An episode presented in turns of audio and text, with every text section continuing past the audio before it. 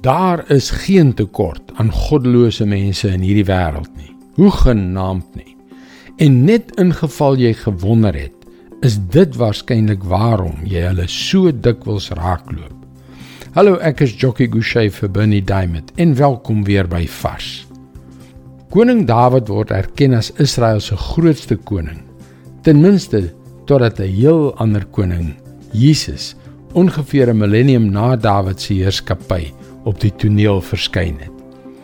Een van die dinge wat ek so baie van hierdie man waardeer, is sy wonderlike psalms wat ons in die Ou Testament vind.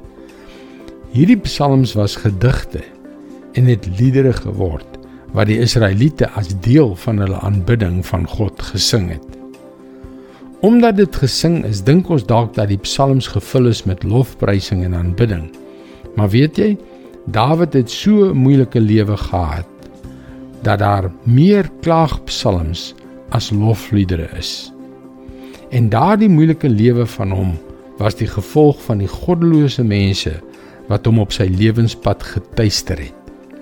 Ons lees in Psalm 37 hoe hy vertel wat gebeur as jy op die Here vertrou. Psalm 37 vers 34 tot 36. Vertrou die Here en volg sy voorskrifte.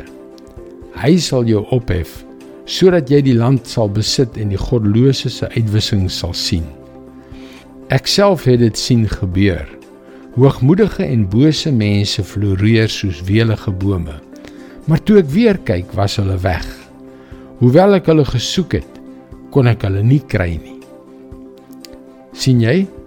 Moenie die godlose mense in jou lewe toelaat om jou lewe te verwoes nie. Dit maak nie saak hoe sterk hulle voorkom nie. Hou net aan om te doen wat die Here sê en wag op sy hulp. Moenie twyfel nie. God sal hulle uitwis. Dis sy woord vars vir jou vandag.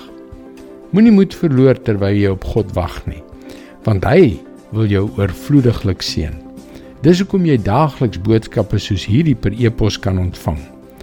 Gaan na ons webwerf varsvandag.co.za en teken in.